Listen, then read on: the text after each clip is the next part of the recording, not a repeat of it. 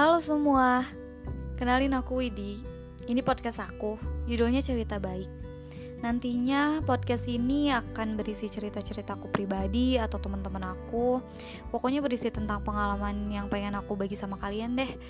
Sekaligus jadi tempat aku simpan cerita yang bisa aku kenang nantinya. Gitu. Sampai ketemu di podcast pertama aku.